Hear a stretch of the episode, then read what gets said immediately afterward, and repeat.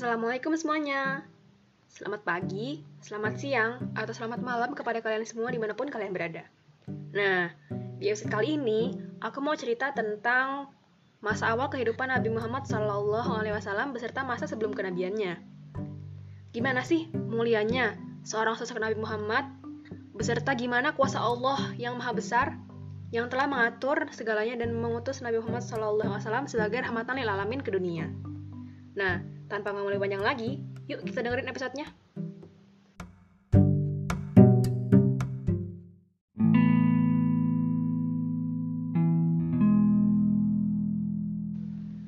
Hari Senin, tanggal 12 Rabiul Awal, dengan tahun yang bertepatan dengan 576 Masehi, lahirlah Nabi Muhammad Sallallahu Alaihi Wasallam. Kelahirannya ke dunia merupakan rahmat kepada seluruh isinya. Kelahirannya membawa kekalahan dan kehancuran telak pada pasukan bergajah di tahun yang sama. Pasukan tersebut dipimpin oleh Abraha, yang dengan gagah dan sombongnya ingin menghancurkan Ka'bah. Namun, bahkan sebelum sampai di Mekah, pasukannya diratakan oleh Allah dengan tanah melalui lemparan batu gunung ababil. Peristiwa ini diabadikan oleh Allah di surat Al-Fil. Peristiwa yang hampir sama terjadi di Persia, di mana api abadi yang selama ini disembah oleh kaum Majusi di sana padam. Tak hanya itu, kehancuran istana Kisra beserta kekacauan lainnya terjadi. Kelahiran Rasulullah membawa cahaya bagi orang-orang di sekitarnya, membawa kabar gembira bagi agama dan dunia. Dan hingga suatu ketika, pada masa kanak-kanaknya, datanglah malaikat Jibril kepada beliau yang sedang bermain dengan teman sebayanya. Oleh malaikat Jibril, dada beliau ia robek, dan dikeluarkan darinya segumpal darah. Kemudian dicucinya bagian itu dengan air zam-zam. Kemudian ditutup kembali dadanya dengan rapi. Maka, di dalam hati Rasul sekarang, tidak ada yang bersemayam kecuali kemurnian dan kebersihan hati. Karena akhlak beliau yang terpuji dan terpercaya, saat beliau masih kecil pun, beliau sudah dipercaya untuk mengembala kambing. Dari kegiatan tersebut, beliau mendapat pelajaran tentang tentang kesabaran dan ketenangan hati, beserta sejumlah upah.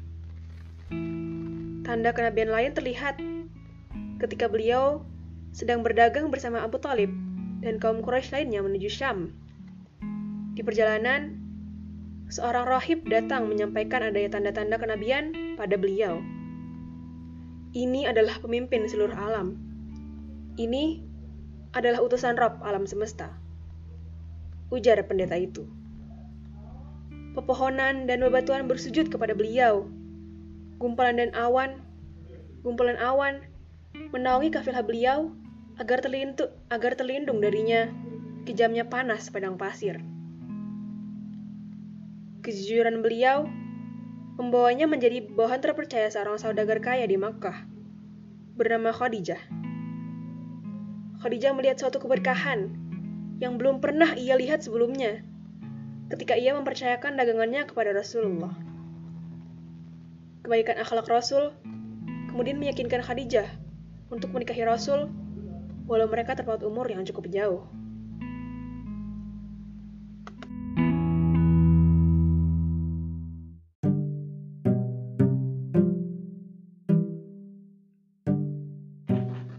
Nah, itu tadi teman-teman sedikit kisah dari masa sebelum kenabian Rasulullah SAW beserta dari masa kecilnya beliau.